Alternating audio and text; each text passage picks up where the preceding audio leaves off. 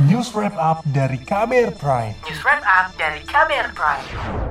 Saudara, pemerintah tengah menyiapkan rencana pembangunan Lumbung Ikan Nasional LIN pada akhir tahun ini. Salah satu lokasinya di timur Indonesia. Rencana ini digagas sejak 2010, namun sampai saat ini masih mendapat banyak protes dari masyarakat. Lantas apa yang mendorong masyarakat untuk menghentikan mega proyek pemerintah itu?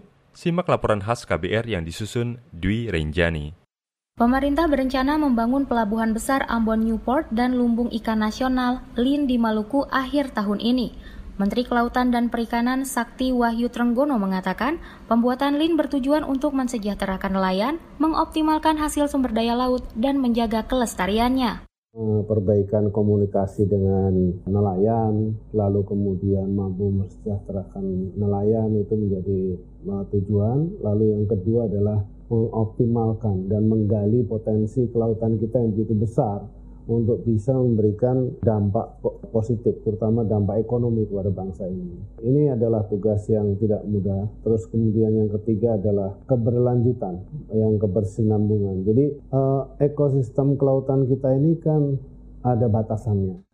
Sakti mengatakan kementeriannya mentargetkan ke depan, LIN Maluku bisa berkontribusi hingga 3,7 triliun. Apalagi kata dia, potensi laut di Indonesia mencapai 12,5 juta ton per tahun dan 80 persen di antaranya bisa dimanfaatkan. Namun menurut Sekretaris Jenderal Koalisi Rakyat untuk Keadilan Perikanan Kiara, Susan Herawati mengatakan tujuan pembangunan LIN saat ini jauh panggang dari api, lantaran laut dikuasai kapal besar bukan nelayan sendiri. Pertama, kan nanti ke depan yang akan lebih dominan masuk itu adalah kapal-kapal besar. Salah satunya adalah kapal asing karena dia nanti ada di Undang-Undang Cipta Kerja kan. Di saat bersamaan, di situ juga ada ruang nelayan tradisional yang mereka menggunakan kapal-kapal yang kecil, menangkap secukupnya. Dan tapi dalam konteks ruang mereka harus berhadapan dengan kapal-kapal besar. Bukan hanya nanti mereka akan tergusur. Karena kan kalau untuk masuk ke pelabuhan-pelabuhan besar itu kalau di Maluku itu di ada proyek lumbung ikan, kemudian konteksnya adalah membangun pelabuhan. Nah, pelabuhan ini kan tentu bukan untuk nelayan, bukan tempat sandar untuk mereka, tapi untuk kapal-kapal besar. Yang kedua, belum lagi kalau mereka di tengah laut dengan kapal-kapal besar itu kan mereka menjadi was-was dan takut karena mereka kan ya namanya di tengah laut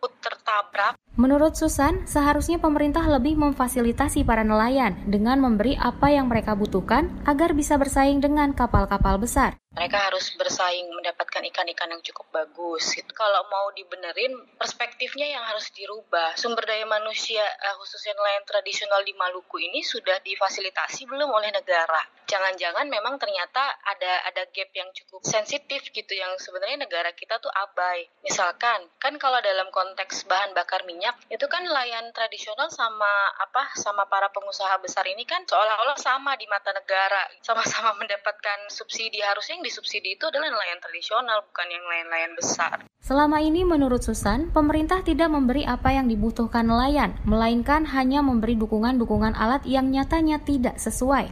Salah satunya program pemberian jaring tangkap yang akhirnya banyak dijual kembali lantaran tidak dapat digunakan, atau pengadaan kapal Inkamina yang berakhir mangkrak. Mereka butuh lautnya supaya mereka bisa melaut dengan tenang tanpa ada rasa takut, tanpa ada rasa was-was akan ditabrak kalau di perairan Maluku itu beda dengan yang di daerah barat, beda banget kondisi lautnya.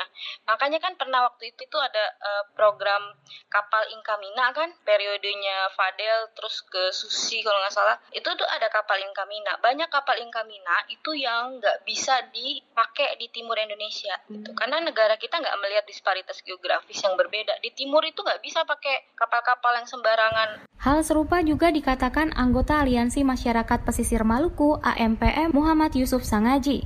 Demi menolak proyek pembangunan LIN, Yusuf berenang sejauh 3 km selama 2 jam dari pesisir Wai hingga Pulau Pombo pada 8 Agustus lalu. Dengan adanya lumbung nasional dan akan dibangunnya Ambon Airport di Pulau Ambon, maka apa yang menjadi tempat bermain kami, apa yang menjadi tempat kehidupan orang tua-tua kami akan hilang. Gerakan berenang dari Wai ke Pulau Pombo ini sebagai isyarat bahwa negara jangan merampas ruang hidup kami. Pemerintah provinsi jangan merampas ruang hidup anak-anak orang Maluku. Jangan merampas hak-hak nelayan-nelayan kecil. Yusuf mengatakan jika proyek diteruskan, maka nasib nelayan tradisional akan semakin terancam.